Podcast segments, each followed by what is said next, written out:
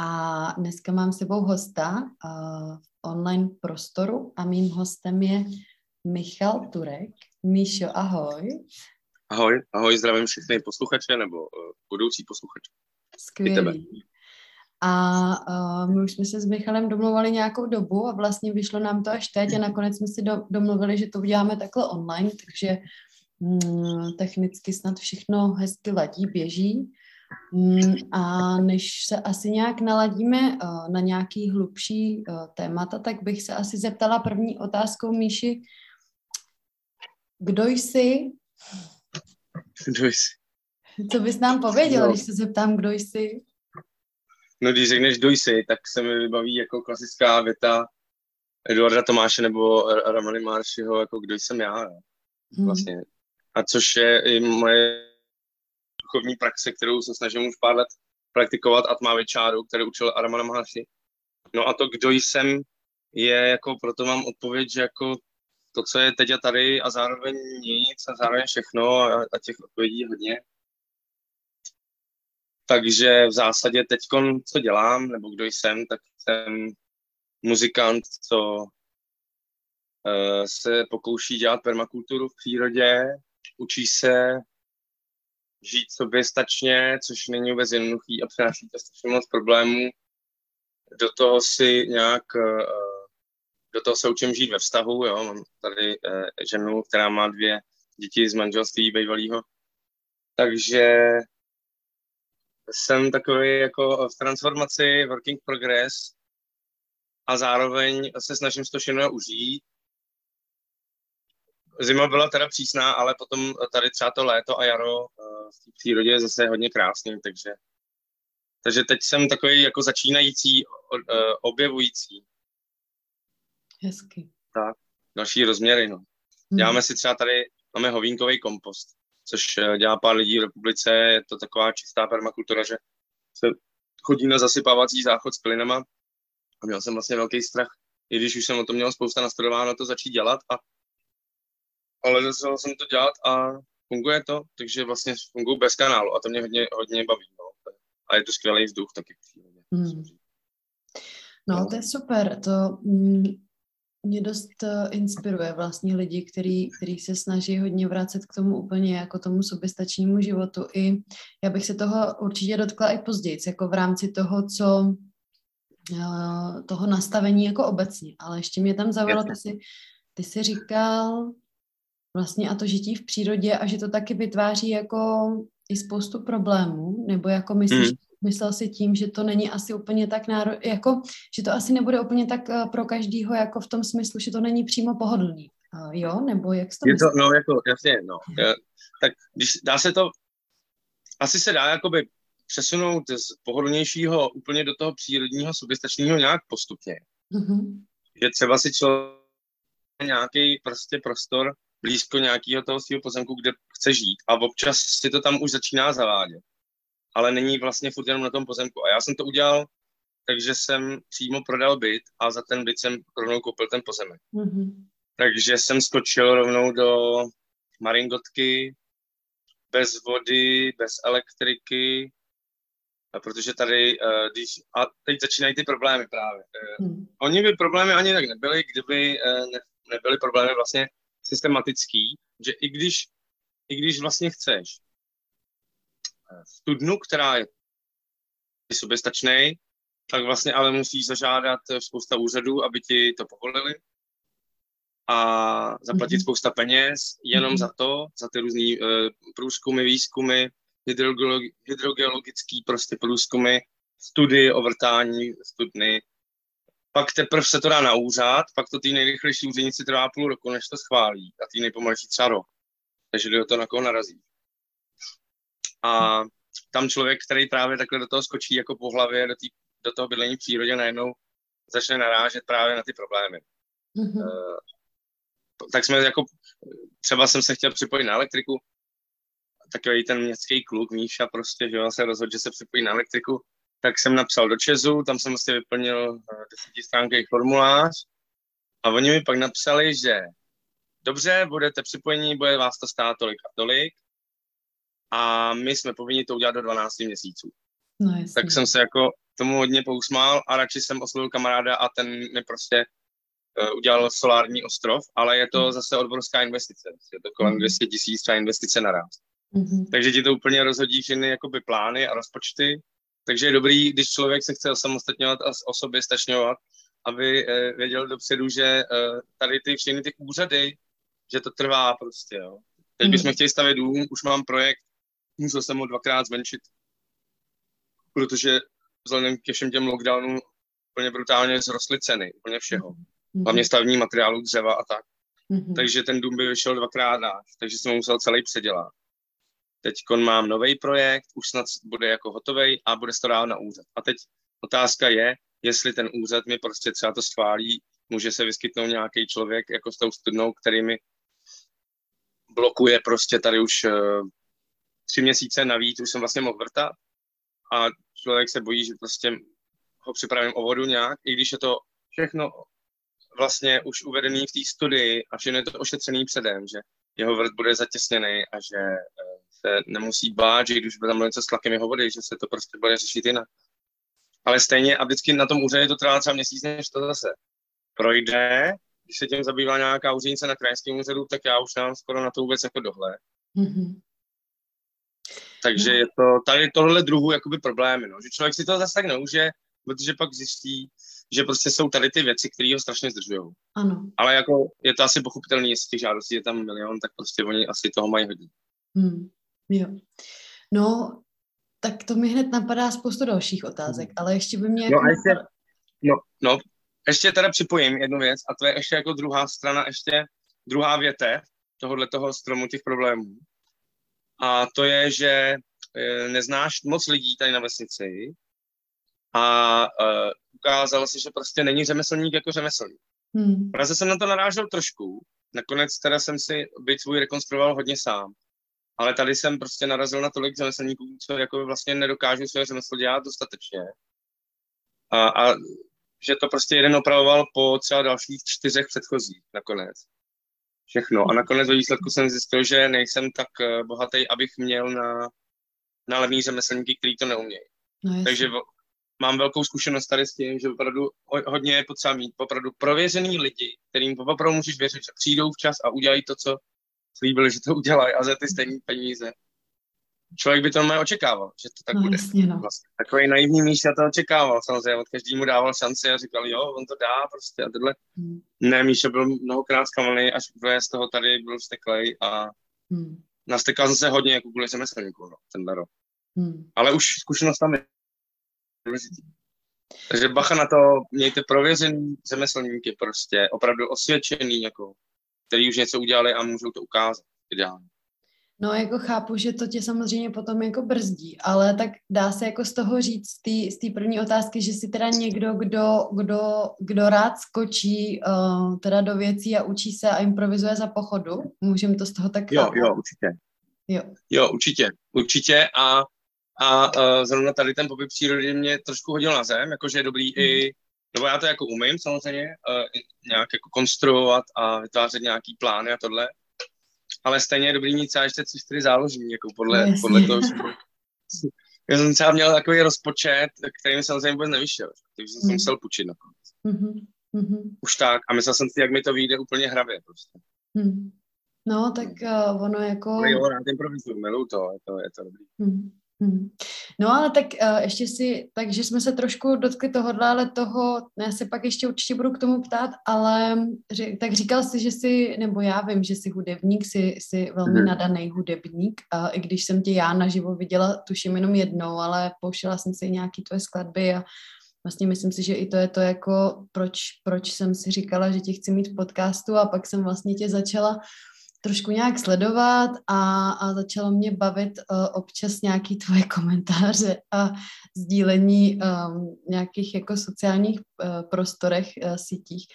Pověz nám, na co, na co, uh, na co hraješ a vlastně ta cesta. Mě by zajímala, než se jako budu ptát na nějaký jako přeměny, změny a transformaci, cesta hudebníka, kde, kde to začalo? Bylo to tam už od dětství? Jo, No, uh, jak to začalo? tak já hraju na, na víc nástrojů teda. Nej, nejvíc, nejvíc eh, takový můj nejprostudovanější nástroj, kterým jsem se teda věnoval asi jako nejvíc let i, a i jsem jako chodil teda na konzervatoř a tam jsem se to učil, taky violončelo. Hmm. Ale od malička hodně zpívám, což jsem pak taky trošku ještě začal studovat a hodně jsem se teď zlepšil, jakože já mám pocit, že mám jako hodně silný zpěv, hraju na kytaru, tam myslím, že už nikdy technicky nedoženu uh, to, co jsem jako třeba se naučil na čelo, protože toho je spousta let fakt cvičení různých ty nejlepší, chtěl bych hrát ještě líp na kytaru, tak. A pak bicí, nějaký didgeridoo lehce, flétny nějaký a tak. Mm-hmm. Na klavír jsem moc necvičil nikdy, to mě hrozně uh, nebavilo. Na konzervatoři jsme měli povinný klavír, ale moc jsem tomu nedal, tak zahraju něco maličko. Baskytara je super nástroj, ten mm-hmm. mám hodně rád. No, takže pár, pár těch nástrojů takhle jako na ně hraju. Nejvíc teda kytaru, violončelo a jak to začalo? Začalo to tak, že uh, můj brácha chodil do hudebky a hrál na klavír. A já jsem se prakticky motal kolem klavíru jako malý chlapeček. A něco jsem si tam prostě tak jako haluzil. Uh, hrozně zajímavý, můj otec, uh, já jsem to neměl hrozně rád, to slovo, ale můj otec mi, uh, vždycky použil takový sloveso ne, jako vyluzovat. Vyluzovat zvuk. Hmm. Já jsem jako malý to úplně neměl rád to slovo, protože otec mi furt říkal, nevyluzuj ty zvuky.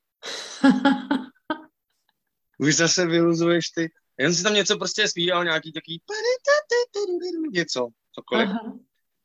Asi, jo, s tím bráchou. A, takže rodiče vlastně si mysleli, nebo máma teda, jak mi to vyprávěla, tak to bylo. Takže oni moc jako si nemyslí, že jsem nějak hudebně talentovaný. A oni mě potom vybrali v hudební škole, nějaký učitelky, z, v té době to byla ještě asi lidová škola umění. Já jsem ročník 84, takže eh, nějak při revoluci mě vybírali do té nějak v tom roce. Jo. Tak pak se to začalo jmenovat základní umělecká škola, předtím to bylo LŠU, lidová škola umění. Mm-hmm. A oni mě tam vybrali, ať se tam jdu, ať se tam jdu podívat na přijímačky. Tak jsme tam byli na přijímačkách a podle maminčiných slov to bylo tak, že všichni, ona na to pak byla hrozně hrdá, že tak to pak vyprávěla jako všem. Že tam všem říkali, no, tak my se vám ozveme prostě bla, bla, bla.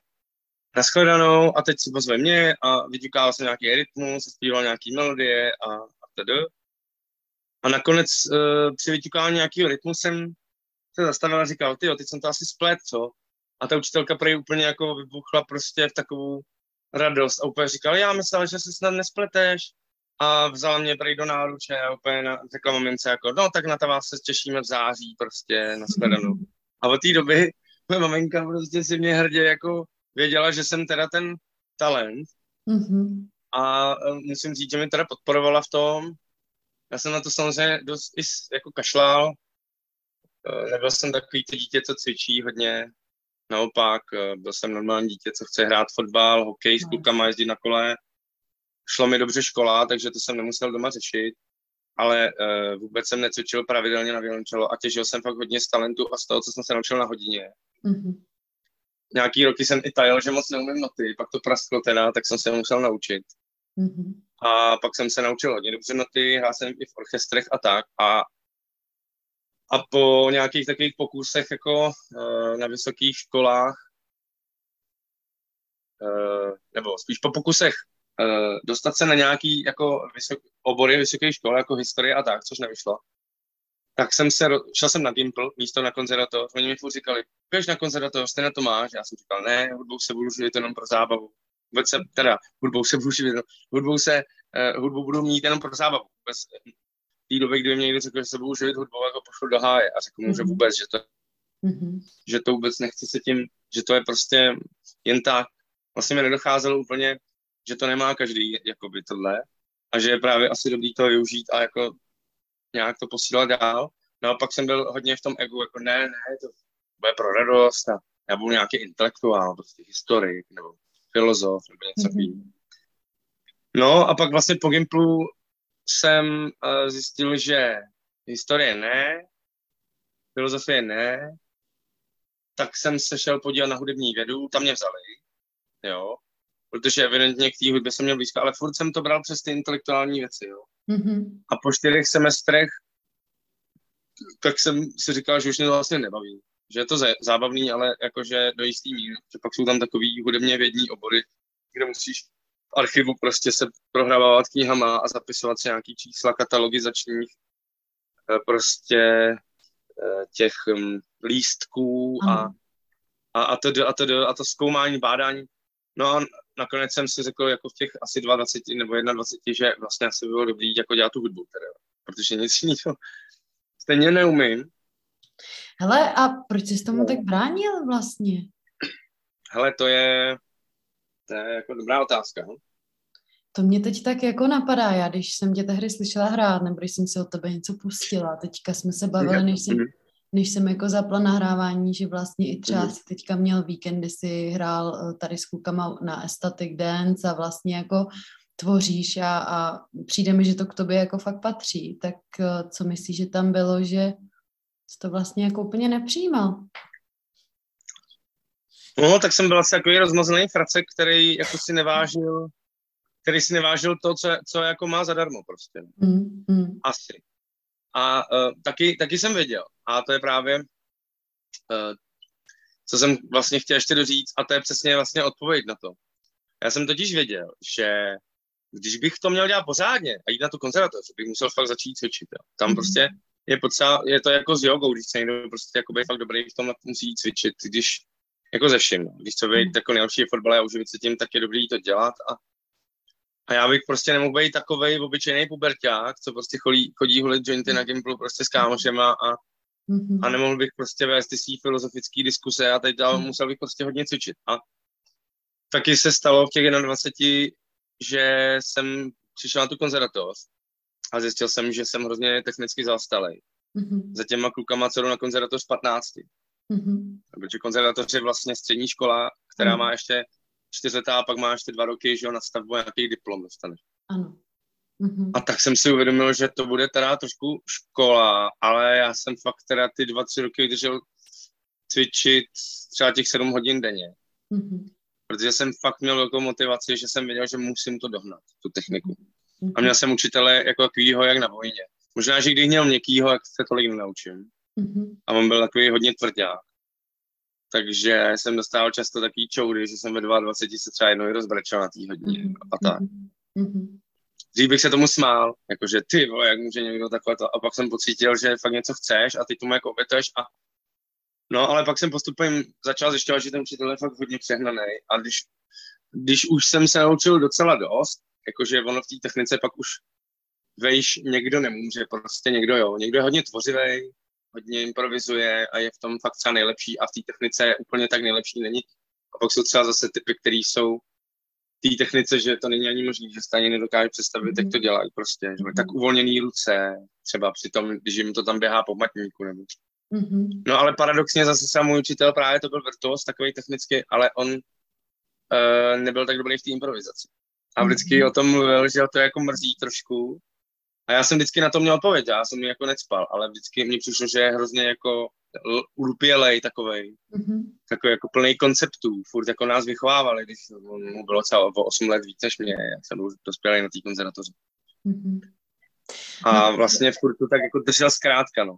Takže mm-hmm. někdo, no, takže už jsem dál nešel technicky, no, a pak jsem odešel z konzervatoře, ani jsem ji nedodělal vlastně. To je aha, taky nutno poznamenat. No, jsem takový rebelující typ. Vlastně, jak, si, jak jsem říkala, s tou improvizací a vlastně teď si sám říkal, že ten učitel byl takový urputný, věď, tak ono zase možná sice třeba nedodělaná konzervatoř, ale jsi tomu uvolněný a všechno to přes tebe proudí úplně asi taky jiným způsobem, než kdyby si tam. Jo, jo. No. Jo, ono se, to se postupně právě začalo jako Nejdřív to bylo takový to, že úplně to žereš a žereš toho tvrdého učitele, mm-hmm. toho vojáka a úplně se cepuješ, cepuješ. Pak postupem času zjistíš, že by bylo dobrý, kdyby tě i pochválil. Ano. Ale on vlastně to neumí. Ano. Takže úplně vyhozíš na tom, že on tě nepodpoří a jenom, jenom vlastně má uh, kritiku, jenom kritiku, což ano. je hrozně nepříjemný ano. a těžký unést. Aha. Takže v momentě, když jsem cítil, že už jako prostě to, že to je přehnaný, on pak i po mně jednou křič.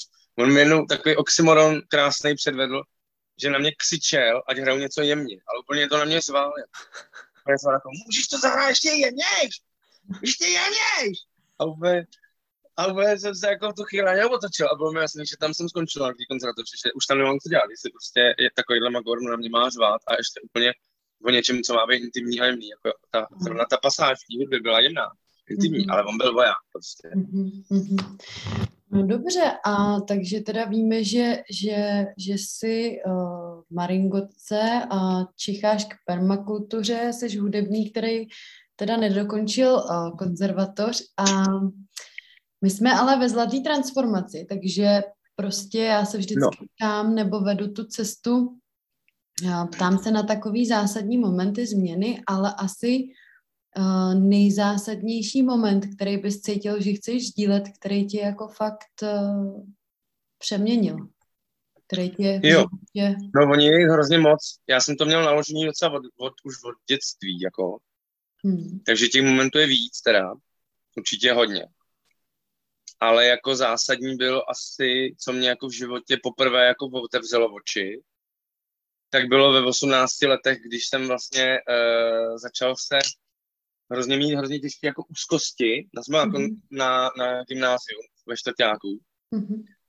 A nějak eh, to bylo, abych počítal správně, to bylo rok 2003, teďka 2020. Bylo to, když byly povodně v Praze. Mm-hmm. Abych letěl, ne, nechci jako si nějaký A bylo to, že byl zaplavený vlastně celý Karlín Mm-hmm. Moje babička byla tam v tom Karlíně, eh, naštěstí teda byla evakuovaná, ale bydlela u nás. Úplně se to zbláznila, takže byla úplně přehnaná, jako říká, spousta nesmyslů. Do toho můj brácha byl takový jako drsnej ranas, který mě vždycky prostě dával co, co pro to. A do toho jsem měl tu maturitu a nějak jsem se celkově začal hrozně hroutit ze všeho. Mm-hmm.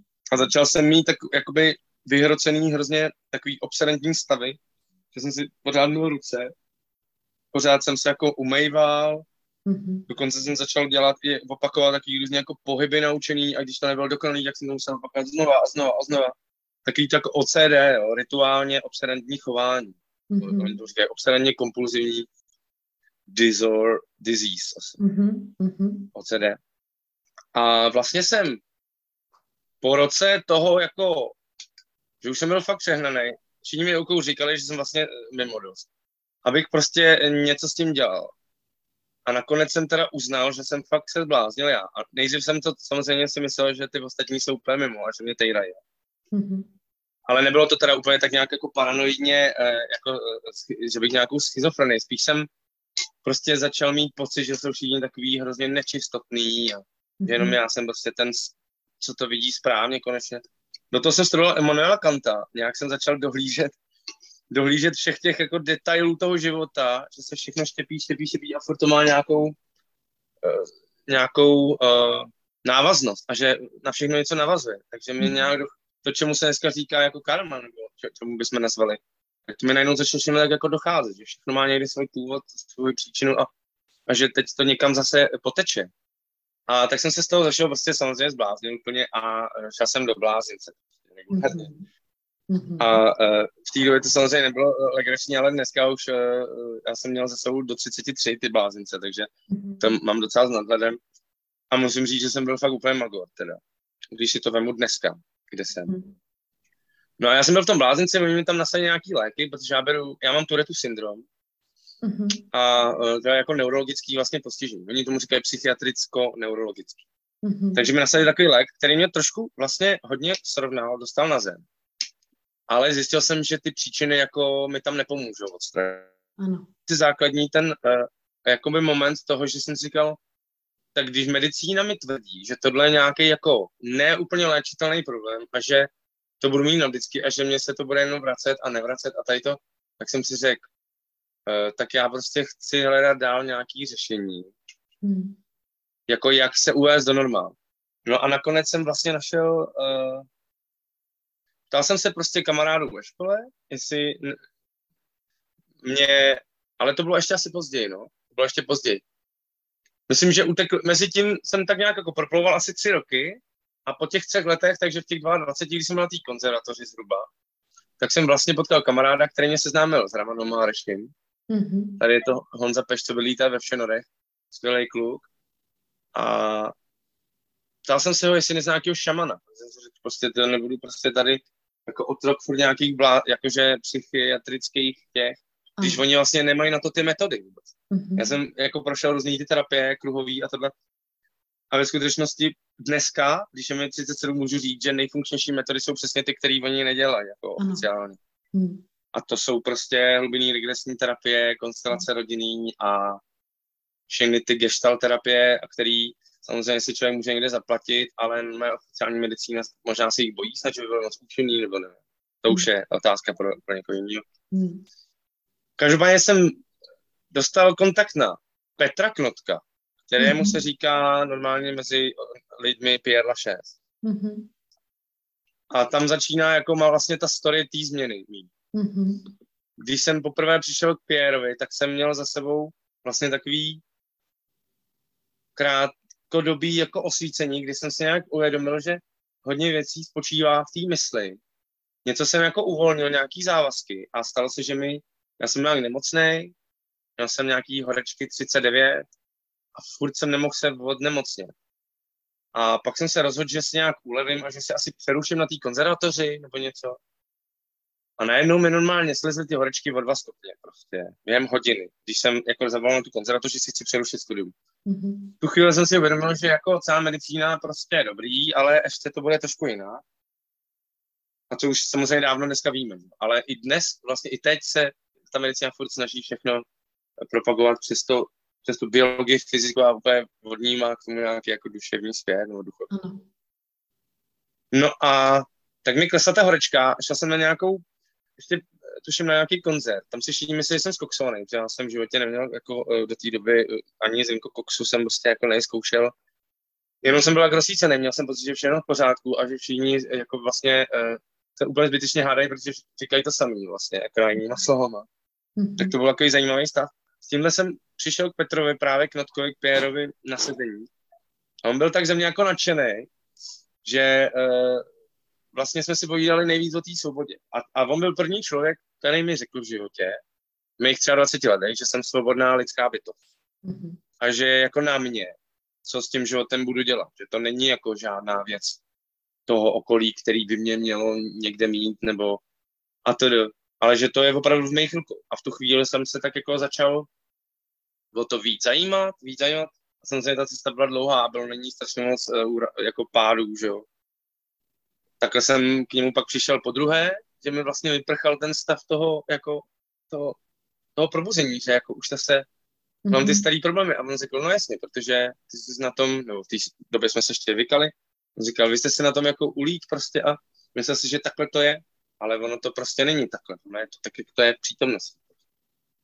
A já jsem byl asi další sezení pár tak, tak otravný. Já jsem měl byl šoušet asi pětkrát. Mm-hmm. To bylo mhm. ještě ve Vinohradský vodárně vězi.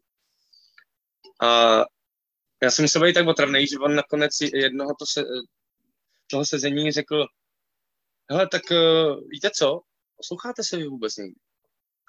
to bylo zásadní jako věc, mm-hmm. hodně zásadní. A já říkám, no, jako, a já se pamatuju jak dneska, jo, jak tam sedím a říkám, no, to bych asi za chvíli radši nic neříkal, ne, kdybych se měl chvíli poslouchat sám sebe. A on úplně se začal smát a říkal, no vidíte, vy jste hodně bystrej, jako. Takže takhle nějak asi. A víte co, já už stejně musím dneska jít, uh, já si potřebuji jít vzít domů. Tak to zrušíme, ukončíme, úplně to, úplně to uzavřel, ale jako profesionál, úplně to odřít prostě.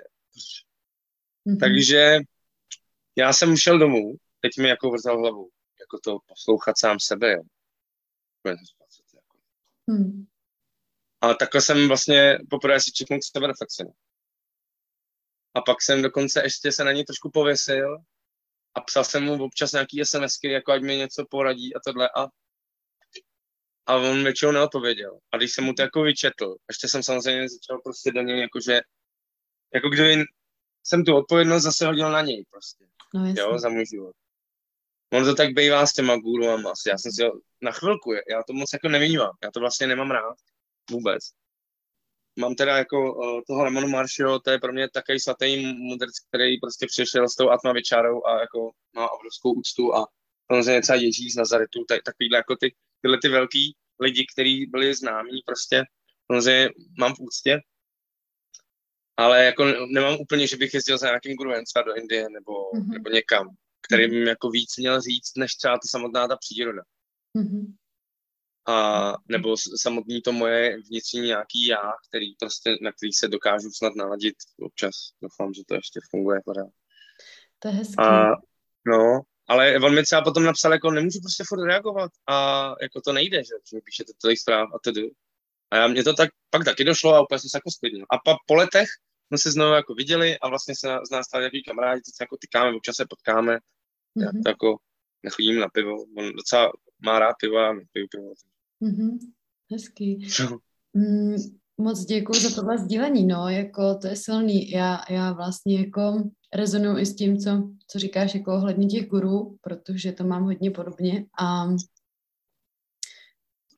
já se zabývám dlouho, už dlouhý ro, roky právě regresní terapii a tím, jak jsi teď no, popisoval, tak si jako potvrzoval vlastně zase mm, to, co jako víme, ale právě bych to ještě navedla mm, já taky vím, protože jsi to sdílel, tak uh, doufám, že to můžu zmínit, ale sdílel jsi to, myslím, někde na sociálních sítích, tak by mě tohle to zajímalo, no. že jsi sdílel, že jsi taky prošel rakovinou, jestli to říkám. Jo, jo, jo. Tak tohle jo. je, mhm. jestli by si mohl nebo chtěl třeba jako sdílet, mhm. co, co, jo, určitě. no, co se tam vlastně odehrálo, nebo jak to bylo. No jasně. No, no to bylo tak, že, že já jsem řešil vlastně polovinu života hodně ty strachy a různý ty obsedantní úzkosti mm-hmm. a mhm. takový. Hodně to bylo spojené prostě s nějakými jako fobiemi, jako se špíny a tohle, což tady v přírodě samozřejmě si, tohle mám docela zvládnutý. Třeba nedělají mi dobře nějaký jako stavební materiály, třeba skelnávat a tohle. Přiznám si, že když s tím pracuju, tak pracuji velmi opatrně a jsem jako na to úzkostlivý mm-hmm. pořád. Ale jinak mm-hmm. jsem z valné většiny se na to povznes a nějak jsem to jako pře- překonal a tak. A ono, ono tyhle ty strachy a tak se u každého člověka někam jako ukládají. Mm-hmm. A vlastně v momentě, když eh, je to zpátky tři roky, když jsem tak měl jako pocit, že už to mám všechno tak docela vlastně zpracovaný ty strachy a tak,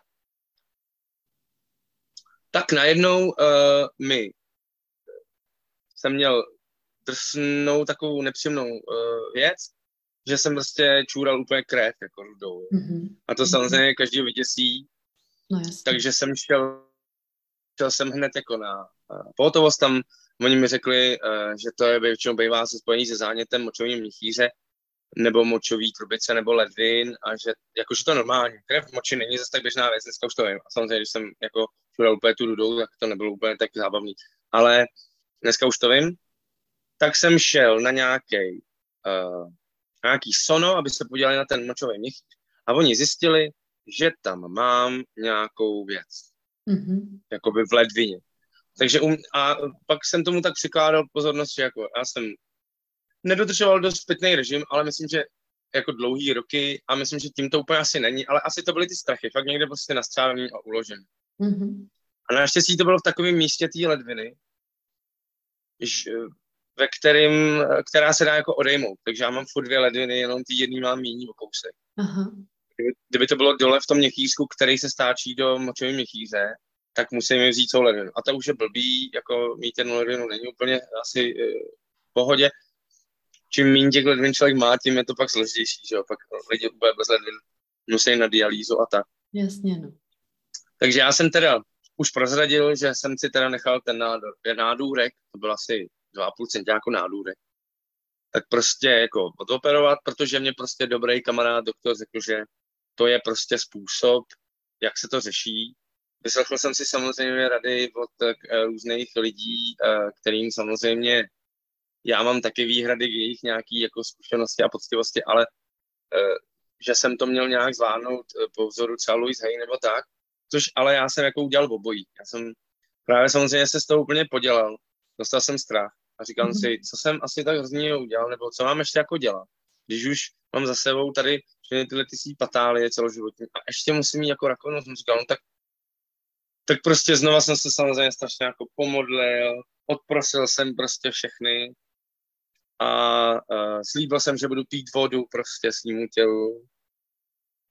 A spousta různých dalších věcí jsem udělal, ale byl tam furt jako začal tam být jako vlastně ten strach z toho, že člověk má tu rakovinu a to se může nějak jako rozšířit. A, tam, a, a většinou u těch, těch strachů nakonec ten člověk zjistí, že má vlastně strach o sebe, jako o svůj život. Mm-hmm. Takže to bylo blízké setkání, ač jsem na to vždycky meditoval a myslím si, že jsem tak rozpuštěný, že, že když přijde smrt, nebo já si to nemyslím, já jsem o tom přesvědčený, že když přijde smrt, tak prostě jsem připravený na to, jako být v přítomnosti a, a prostě být jako uvolněný, odpuštěný a tak. Já mám, jako snažím se se svými svými blízkými to mít vyřešený. S rodinou už jsem hezky si smířil, s tím jsem byl roky. Takže jako mohl bych vlastně umřít, ale moment, to si člověk myslí samozřejmě. A pak přijde ten moment, jako že hele, ty máš sobě tu rakovinu, ale teď fakt můžeš jako umřít. A začne ten strach. A protože už jsem těch strachů měl tolik, strašně moc, a furt jsem eh, si je řešil, tak už mě jakoby se nestane, že bych se dostal do takového průseru, že bych třeba musel být uh, hospitalizovaný někde, nebo že zapekoloval ve strachu na měsíce nějaký. Mm-hmm. Prostě jsem si jako po dvou dnech takovýhodle jako přemýšlení o tom, že vlastně můžu umřít. Řekl, Michale, ty vlastně jako probuď se, jako. Co si tady jdeš za halus, prostě, jako, že můžeš umřít, že můžeš umřít, prostě, co si to tady v přítomnosti, jako, jedeš za příběh. Tak prostě tak to jako připrav se na to, že můžeš umřít hned teď prostě. To mm-hmm. jsem mhm. si takhle řekl. A vlastně jsem v podstatě, až to zní jako rouhání, vyzval jako tu potenciální smrt a řekl jsem, dobře, já vlastně už nepotřebuji tady ty haluzní jako nějaký obsedentní strachy, který vlastně uh, známe, co je strach všichni, že jo. Každý ho má, jako v dnešní době, když jsou ty uh, covidy a tady to, já jsem si naštěstí tady to odžil o, o deset let dřív, když jsem měl ty svý obsese v těch, nebo o 20 vlastně už, když v těch 18. Takže už jsem na tohle třeba připravený na ty nemoci a tak, já se tady toho vůbec nebojím a um, jsem tomu úplně odevzdaný a ještě jsem ne, prostě nemám problém vlastně vůbec, neděje se mm-hmm. No a tady jsem měl strach z té smrti a já jsem vlastně řekl, dobře, tak já teda asi, ať umřu, jestli mám umřít, no. Ať prostě umřu. A tu chvíli mě naskočila taková rovnice, jakože Eh, jestliže teda umřu, tak bych ale neměl umřít v žádným debilním negativním rozpoložení, nějakým černým, chmurným, nasraným nebo úzkostlivým nebo jakýmkoliv negativním. Jsou ty různý negativní nějaký emoce. No a najednou jsem si jako uvědomil, že vlastně ve všem spíš chci vědomě vidět to světlo. A stalo se to tak, že jako kdyby se mi až názorně nějakým něčím zrakem, že no tak jako rozsvítilo vevnitř a najednou, uh, kam jsem se podíval, a byl by tam ten sklon toho nějakého kritizování a něco jako ty vole, to je debilita tohle, anebo to je debil, nebo a tak dále, tak najednou tam jako byla takový světlo místo té myšlenky, což bylo mm-hmm. hrozně příjemný. A uh, takže to je nějaká taková práce, co se tam vyzářila, že kdybych teda měl jako umřít, protože když to vlastně přijmeš, tak už prostě fakt umřít můžeš prostě. Mm-hmm. A tak najednou jsem si to tam tak dal, jako že jestli teda jako můžu umřít teď, nebo za týden, nebo za dva, nebo za rok, nebo za deset, no tak prostě radši budu teď a tady pěstovat to světlo, že? než jako furt uh, být nasraný. A to mě hodně, si myslím, jako posunulo víc k tomu světlu, protože já jsem byl dřív dost jako temnější asi ještě. Mm-hmm. I když já mám v sobě hodně světla při hudbě, vždycky dávám a všichni si berou, ale pak mám jako druhou tvář samozřejmě svojí, jako každý, prostě nějakou jako vnitřní a uh, i když medituju a všechno, tak prostě samozřejmě mám tam těch temnot hrozně moc. A to jsme si teď krásně tady zvědomili se ženou, prostě když jsme bydleli v jedné malinkoce, jenom jsme se viděli ve všech pozicích úplně obnažený. Mm-hmm. A je to zase nový, plně. Člověk zase vidí, ty tohle už si myslel, že máš řešení, nemáš. Prostě. No jasně. No. Moc... Takže to byla ta druhá, no povídej. Ne, mně se moc líbí, mo, moc, moc dík za to sdílení a hlavně, že jsi se dotknul i toho tématu smrti, protože není to tak dlouho, zrovna jsem to tady v podcastu docela rozebírala, já mám podobnou zkušenost um, mm-hmm. ze svojí jako teďka nemocí, co jsem měla mezi svátkama, která jako rozhodně neměla úroveň rakoviny, ale byly tam, byly tam hodně hluboký prožitky, které právě prošli tím odevzdáním, jako odevzdání se mm. smrti. A v ten moment, je. kdy jsem se odevzdala té smrti, tak jsem se prostě vylečila, takže mně to přijde no, jako úplně dokonalé. Vlastně člověk to musí, jo, jo. Mhm. On vlastně člověk musí, jestli chce přežít, tak musí jako opustit to starý ego prostě vždycky. Aha.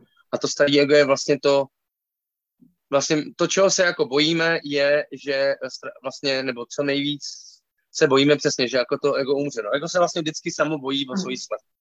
A ono vlastně no, a momentě, když se odhodlá... No. Ono no, vlastně, No, jenom, že vlastně umírá, veď, že jako i ty všechny přechodové rituály, ty šamanské rituály a tak dále, tak myslím si, že i oni jako i v těch jako dáv, dávnějších kulturách, oni vlastně dělali ty přechody a věděli, že nějaká část prostě umírá a že přijmou tu smrt je naprosto přirozený, že když přijímáš smrt, tak přijímáš život, že jo. Jo, jo. A my často právě tady v těch našich kulturách jsme na to jako trošku pozapomněli a tím pádem na to možná navedu linku, protože se tam toho taky dotknul uh, k té současnosti, no, že, že já to vnímám hodně podobně uh, uh, jako k tomu, co jsme teďka říkali, co jsme sdíleli a jak to vnímáš ty? Jak vnímáš ten, ten to bláznoství, který, který vlastně možná teď už to má zase úplně jinou rovinu, než kdyby jsme se o tom bavili půl roku zpátky, ale no, jasně. jak to prostě vnímáš? No, jakoby vlastně, myslíš to bláznoství kvůli testování, očkování a všechny no, tohle to, no, nebo jako, víš, jenom... No hele, no. jo, jo, uh, to je strašně snadná odpověď, protože já od začátku vlastně uh, tím, že jsem si jako prošel i tou rakovinou a hodně jsem se odezval té smrti a vlastně furt jsem řešil nějaký nemoci celý život, mm-hmm. tak mám pocit, že to téma mám jako zpracovaný, jako kdybych byl nějaký automechanik, který furt dělá jednu značku prostě, a má úplně najetý strašně volva. A tím pádem v nich ví každý detail. Mm-hmm. A já mám opravdu svůj vlastní přístup k nemoci a já jsem si hned na začátku roku 2020 kdy to přišlo někdy v únoru, březnu. Já si pamatuju přesně, já jsem uh, fungoval ve svý zkušebně v Hostivaři a bydlel jsem na hájích. Tam jsem si rekonstruoval byt, a takže jsem hodně bydlel v té zkušebně, protože tam jsem měl doma zaprášeno a tak. A hodně jsem často nasával uh, různý lidi kolem sebe, jak se k tomu staví. A já jsem hned na začátku, když to přišlo, tak samozřejmě první byla nějaká jako jakože ty vole, nějaká, zas prostě nějaká blbost, teď tady někdo bude něco spát druhý. Pak jsem si na to zameditoval. No jsem si jako úplně přímo jako zeptal prostě, hej ty tady prostě dobrý večer, ty esence tady covidu prostě, nebo koronaviru, ne. V té době to bylo, že koronavirus, najednou celý se to slovo koronavirus, což je prostě běžný virus, který už je známý prostě, no, že Uh, když pominu všechny ty, co už se ví o tom testování, že ten, uh, to vyrobil ten PCR test, že ani se k tomu radši nechce hlásit, že dával to ruce pryč, že k tomu to ani není určený, říká. No. Nebo ten, co to vynalezl už dávno. Ano. Když pominu to, že ty testy jsou nastaveny na takovou citlivost, že prostě co chceš, aby tam vyšlo, tak vyjde prostě. Ano. Tak uh, jsem se zeptal toho covidu, teda koronaviru, jako o co tady jde a on řekl, Tebe se to vůbec netýká, nemusíš to vůbec řešit. Nech mě pracovat, nepleť se mi do toho. Mám tady nějakou svůj práci. To byly jakoby, takovýhle slova jsem dostal. Řekl jsem si, dobře, a stejně uh, jsem jako plně to jako nebral jako nejvíc bernou minci, takže jsem si uh, dělal klasický uh, testování strachu. Ano, já jsem si furt povlezoval ruce prostě v té době. Jel jsem třeba autobusem, pak jsem si olízal ruce. Řekl jsem si, jo, jak všichni furt říkali, že nesmíš se šahat. No to je skvělý. Prskat a tohle. Já jsem jako nešel úplně za někým, kde je nemocný a neřekl jsem úplně poprskej mě, ale prostě jsem dělal ty, přesně ty věci, co oni hrozně radili, aby člověk nedělal. Jsem přesně dělal a nic se mi nestalo prostě. Věděl jsem, že když začnu prostě přesně po zkušenosti s tím OCD, že když začnu prostě tady tomu věřit jako blázen, že všude je covid, no tak se z toho zesedu. A tím, že jsem už to měl za sebou, prostě, tak jsem prostě nechtěl bych znal otrok, že jo, tady těch Ale... myšlenek prostě. Michale, já to měla úplně stejný. Já jsem ještě na začátku vůbec nebydlela v přírodě. Já jsem jezdila těma MHDčkama. Furt jsem na všechno chmatala. Vůbec jsem si neměla ruce. Já jsem šla úplně do toho, jako, že jsem to chtěla přesně testovat. Nenosila jsem žádný hmm. náhubek. Furt jsem prostě no, někde jedla venku, víš co? A nic. Prostě. No jasně, no. Přesně tak. No ale nejhorší bylo, že jako kdyby mi byla ponechána tady ta moje vnitřní svoboda. Jenže mě přestala být ponechávána ta vnější, protože já jsem prostě odmítl, já jsem třeba, začalo to tak, že jsem nešel ze svý zkušebny asi 10 metrů na záchod v roušce. Prostě. Mm-hmm. A za to na mě zavolali prostě fízly Mm-hmm. Je zkušebná. Musel jsem jí normálně jako uh, na výslech policajní. Za to, že jsem, musel jsem zaplatit nějakou dementní pokutu. A ještě o mě lhali, že jsem tvrdil, že chci ostatní jako ohrožovat a nakazit koronavir. Protože já jsem jim řekl, takže to bylo hrozně nepříjemné. Já jsem řekl, že se toho jako nebojím a že se klidně nakazím. A klidně yes. jako nastreamuju, jako, že se nic neděje prostě. A na čem je to postavené.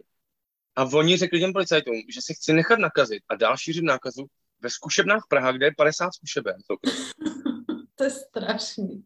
Takže na mě naběhli prostě týpci v maskách. Musel jsem se během hodiny vystěhovat z zkušebny. Během dvou dní odstěhovat úplně všechno. No to je strašný. Byl jsem tam přitom, jo, jo, byl jsem tam přitom takový docela jako, ne uznávaný, ale takový, mm-hmm. jako, jo, oni mě uznávali ještě jako muzikanta, já jsem jim půjčoval nějaký občas aparáty, nějaký mixpult a tohle.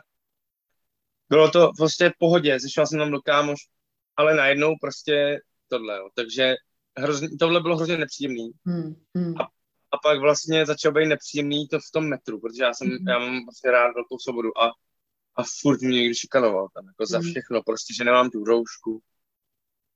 Testy jsem si udělal ve skutečnosti asi tři za tři roky. Mm-hmm. A to ve škole, mm-hmm. protože jsme měli jednu dobu, no ono to je furt, prostě já už jako mě to nebavilo. První test vyšel invalid, tak jsem se hrozně smál. Mm-hmm. A druhý dva vyšly negativ. Mm-hmm. Pak jsem měl testy, ve kterých jsme zkoušeli s kámošem schválně, ve kterých bylo, a to byly ty slintací, jo. Mm-hmm. Pak jsme viděli ty slintací testy s kámošema, ve kterých plavalo, co sice vypadalo jako, jako sperma mužský, prostě semeno. Místo toho, místo toho uh, aplikátoru. Tak, no, jsme se, tak jsme to museli vyzkoušet, jestli to není nějaký covid tam si míchali. No a uh, jediný jediný test mi šťourli do nosu a to bylo úplně, jsem byl vlastně nasraný, úplně nejvíc prostě. A to Já bylo, že jsem měl, hmm. no, to bude ráda, ale já jsem musel, úplně debilní situace, dostal jsem se do tak debilní situace, že jsem to radši podstoupil. A ta situace byla, že jsme jeli do Německa na velký festiák, prostě ezoterický, mm-hmm. kde byly čtyři stage prostě. S Erikem Manuzem, jestli víš, eh, který to je. Mm-hmm. Muzik. A on mě tam pozval, mě tam kapelu skvělou, já jsem, koncert byl nádherný úplně. Bylo to mega, bylo tam prostě tisíce jako ezoušů. A teďkon, a teďkon, ale oni si každý den, oni ty Němci jsou fakt poslušní, jo. A oni si každý den dělali ten nosošťour prostě. Jo, oni jsou. Aby mohli, Hmm. aby mohli být na tom ezerském festiáku. Takže já jsem tam přijel, kvůli tomu den předtím jsme šli, aby jsme mohli přijet ty blbý jako hranice, kde to vyžadovali. Tak jsme s Evičkou mojí si prostě plivli lidem předtím do Břichovicí. Mm-hmm. A oni mi ten test prostě neuznali na tom festiáku jako účinkujícímu. A řekli, a teď vystoupení bylo za dvě hodiny. My jsme přijeli do Lipska a za dvě hodiny bylo vystoupení. A oni, a teď on tam na mě čekal ten Erik, ta jeho panda. A já jsem normálně v první chvíli, já na tom mrdal, domů prostě. Teď jsem byl v tom Německu, jo, v tom Lipsku, jsme tam strávili prostě po cestě, že tam nejeli s autem prostě dlouho strašně. A říkal jsem, ale ne, do prdele, nechci prostě žádný debilní test. Nechal jsem se teda jako šťournout. Pak jsem si tam dělal takový videa, jakože pojďte se na ty jezouše, prostě tady tisíce jezoušů a všichni si šťourají nose. No jasně. Nakonec jsem to nikam, nikam jako nedal. A přišlo mi to strašně pokrytecký v tu chvíli. Ale je to, debilní. Hele, je to hrozně pokrytecký, jako třeba můj Steve, ten prostě by se ani nenechal, jo, jako ten, ten odchází prostě z těchto hmm. míst, ale pojďme no, ještě, no. Oto, ještě otočíme list, protože uh, jako, jo, máme to stejný a jenom mě to zajímalo, jaký na to máš názor, ale ještě co by mě zajímalo, uh, protože vím, že ty učíš v lesní školce nebo škole? No, ono to vlastně první lesní školka v Čechách, co vznikla, dneska mm-hmm. už je to i lesní škola. Je to vlastně školka i škola, ale je to školka země, země v Zevnicích. Hezký, no vlastně tak nám něco... 13 lety. No? Aha, tak pověs něco no. o tom, jak, se, jak, jak, ta, jak tě to tam vlastně navedlo. Jo. No, před 13 lety eh, jsem byl obeznámený, že, že jak to, to vzniklo? Buď to to vzniklo přes moji kolegyni Elišku, asi jo. Jo, kolegyně Eliška mm-hmm. se kterou dodnes spolupracují, tak vlastně my jsme v Praze v Altě začali dělat takový tanečky pro děti. Aha. Takový tanečky, zpívánky, takový různý prostě uh, paci, paci a teda ta navrata, máme čtyři koťata a takovýhle prostě uh, tyhle ty tanečně zábavný, pamatovací, zpívací s rodičema, s maminkama. A bylo to, protože ona scháněla nějakého korepetitora do provazeček, který nepotřebuje piano, protože v Holešovický altě, tanečním prostoru, který už zase dneska mám pocit, že možná není, že se přestěhovali někam, nevím, mm-hmm. tak tanečnice Lucia Kašiárová se svým mužem založili vlastně takový dvě velký haly taneční a v té jedné byl na tohleto taky prostor a já jsem tam přišel a my jsme si od, s Eliškou od začátku rozuměli, improvizace, žádný, nikdo ji neřešil, ona byla absolventka Duncan Centru, výborná tanečnice a skvělá tvořivost a improvizace.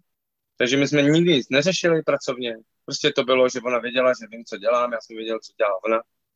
Improvizovali jsme, ona měla tisíc říkadel v rukávu, takže vždycky nějaký vytáhla, různý tanečky byly, zpívánky, já jsem to doprovodil na čelo.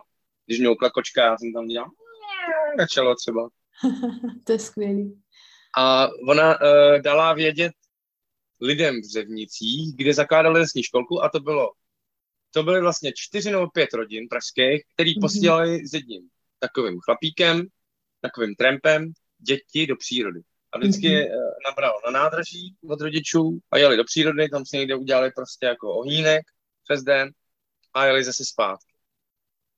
A kolem toho vznikla vlastně první školka, koupilo se týpíčko a vznikla vlastně první lesní školka. A od ní se začaly odvíjet všechny ty další. Mm-hmm. A snad kecám, ale myslím, že fakt jsme byli první jako v republice, aby, aby to nebylo, že někdy vznikaly nějak třeba synchronicitně, asi jako je to možné, ale nevím o tom. No dneska už je to takový fenomén, viď, ale je to tak. zajímavý, že, ta, že už jako teda jsi v tom takhle dlouho a ty tam, ty tam jako učíš, nebo... Oni mě tam pozvali. No. Mhm. Oni mě tam původně pozvali jako do kapely, Aha. školky. A Aha. dělali jsme první masopustní průvody v Řevnicích a tak dále pak se z toho stala tradice a různý ty slavnosti. Mm-hmm. Protože eh, my jsme jeli hodně podle takových těch pohanských slavností, že jako je otvírání studánek, to je čištění po zimě, vynášení moreny, mm-hmm. to je, že zima jako jde pryč, pak je masopustní slavnost, letní slunovrát, uh, a tedy v září je dušič, nebo kdy jsou dušičky na podzim, tam ne září, mm-hmm. no v listopadu, a adventní zahrádky a různé slavnosti. Tam jsem hrál jako muzikant. Když jsem tam byl dlouho, nějakou dobu u té školky, tak mě se zeptali, že už to tam docela znám. A tam to nikdy nefungovalo nějak jako přes papíry nebo přes nějaký vzdělání. Tam to fungovalo prostě hodně na důvěře. A to mi bylo strašně blízko. Mm-hmm, Takže mm-hmm. oni mě poprosili, jestli nechci dělat uh, s Eliškou školku. Což bylo pro mě teda jako hustý, dobře, průvodce ve školce, ale jako hodilo se mi to, protože té práce jako nebylo tolik třeba hudební zrovna, tak jsem to mm-hmm. prostě vzal si takový základ dobrý. Mm-hmm. Tak jsem začal dělat průvodce ve školce. Po dvou letech, teda v té školce, jsem zjistil, že to je fakt náročný. Že ty malí děti, a já jsem takový hodně dynamický, mm-hmm. takže jsme s Eliškou začali dělat školu a dneska už je to tak, že tam vlastně první, druhá třída je jedna škola, jedna partička, která chodí nějaký dny. Proti tomu je druhá partička, nebo máme dvě jurty totiž, takže ta jedna partička je v malé jurtě a ve velké jurtě je škola starší a to je mm-hmm. třetí, čtvrtá, pátá až šestá třída dokonce už dneska. Mm-hmm. A k tomu je tam ještě teda ta školka, takže v tom zázemí v Zemnicích je, jsou celý první stupeň a ještě školka.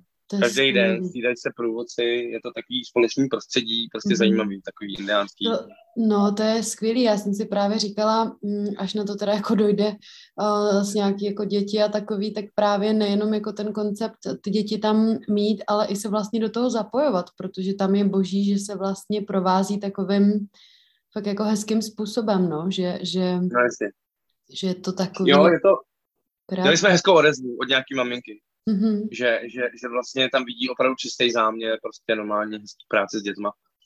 To Protože skvělý.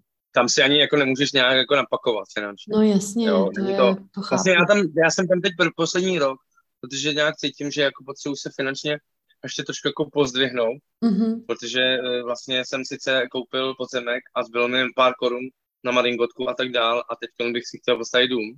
Ano který vlastně to už jde jako do milionu, takže si stejně budou brát půjčku a potřebují tu půjčku nějak jako víc splatit, splatit než... Takže teď vlastně je to poslední rok, co tam jsem. Mm-hmm. Ne, po, paradoxně jsem si, nebo ne paradoxně, ale nechávám si furt to klubíčko, to je to zpívání a tančení pro ty dětičky s maminkama. To furt děláme. Mm-hmm. Teď už to děláme v těch zemnicích té zemi, tenkrát to bylo v té altě. Mm-hmm. A odcházím z té školy, protože to náročné jako vlastně. Mm, Oni, chápu. Eh, ty děcka prostě furt jako vedeš tomu, aby se něco naučili, oni ano. prostě na to často prdějí, že jo, a nechtějí. A, a ty jako sice ne, nejsi za to zodpovědný, je to domácí jako vyučování, papírově, ale stejně je to náročné. No to, to věřím, no. no. Hele, a no skvělý, uh, tak to myslím, že jsme se dotkli tak všeho, co mě teďka zajímalo, jenom ještě, kdyby si řekl, třeba kdyby tě chtěli moji posluchači, tvoji posluchači, ať už se to bude sdílet kdekoliv, kdyby no. tě mohl někdo třeba vidět, zpívat, hrát, někde tě navštívit, tak kde by tě našli? Hele, no. Hmm. No, ať, ať se podívají na... Uh, já teď jako popravdě, budu úplně upřímnej, si nepamatuju žádný datum, protože si všechno píšu do diáře. Jasně. A v diáři nějaký datumy mám, ale um, hraju, mhm. hraju aspoň, takže, takže konkrétně žádný datumy teď ne, ne, ne, ne, jak se snažím být přídelný, jak vlastně si tohle vůbec nepamatuju, to kdy Víš, diáře. Ty máš i nějaký YouTubeový kanál, ne? Nebo něco, kde se na tebe... Na, jako... Hele, no, no, no, hraju, hraju s klukama, co hrajou Schelling, Schellingera, Jirku Schellingera Revival akustický, což je krásná hudba. Mm-hmm. To doporučuji. Potom budu hrát určitě eh, s Milošem Vacíkem a s tím sborem Alunair, anu, Alunair, psáno Alunaire. Mm-hmm. A dneska mi právě psala zbor mistrně Lenka. A já prostě přesně jako nevím, kdy to bude. Někdy v březnu.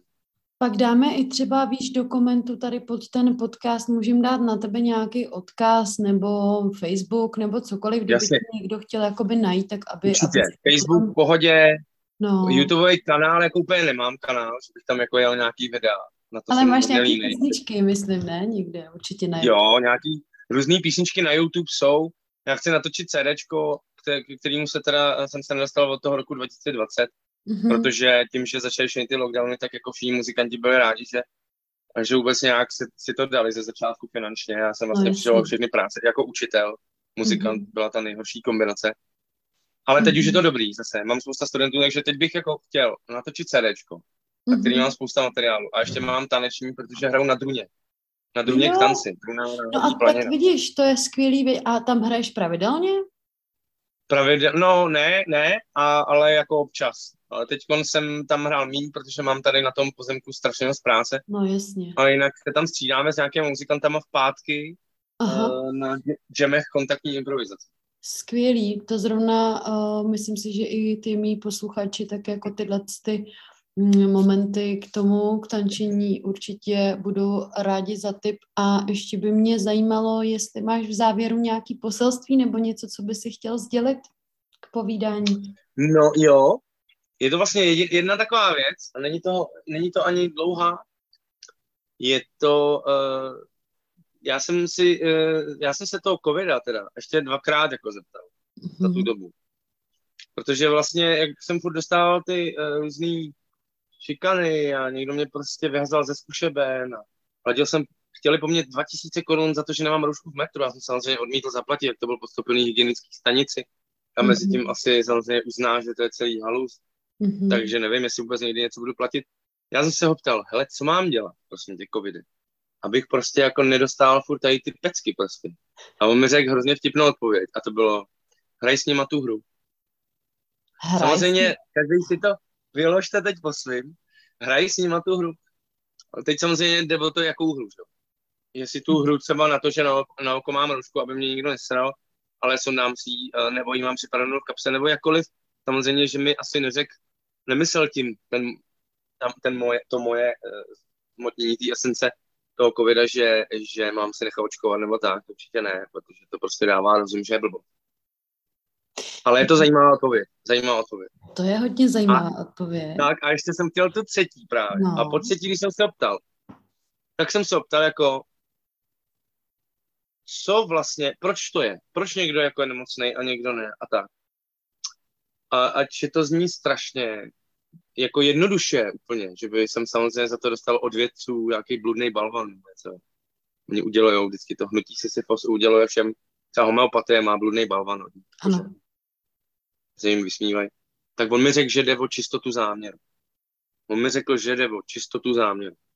Mm-hmm. A to mi přijde jako úplně nejzásadnější, jako vlastně to poselství, asi, který eh, na závěr by mohl padnout. Že si myslím, že je strašně důležitá prostě, že je strašně důležitý záměr a čistota záměru. Jak člověk jako zamýšlí a jak je jako upřímný a poctivý. Mm. Tak mi to nějak přijde. To je hezký, tak, eh, tak to necháme eh, tak to necháme takhle, a nic doplňovat nebudu, je to s tím rezonu, mm, čistota záměru. Super. Tak Míšo, moc díky za tvoje sdílení hluboký, za, za uh, povídání, všechno doplníme do podcastu a i za poselství a já děkuji uh, našim posluchačům a budu se těšit na příště. Tak jo, díky moc taky, díky a my se ještě uvidíme určitě. Určitě. Tak já tady... Tak nevím. No, děkuji.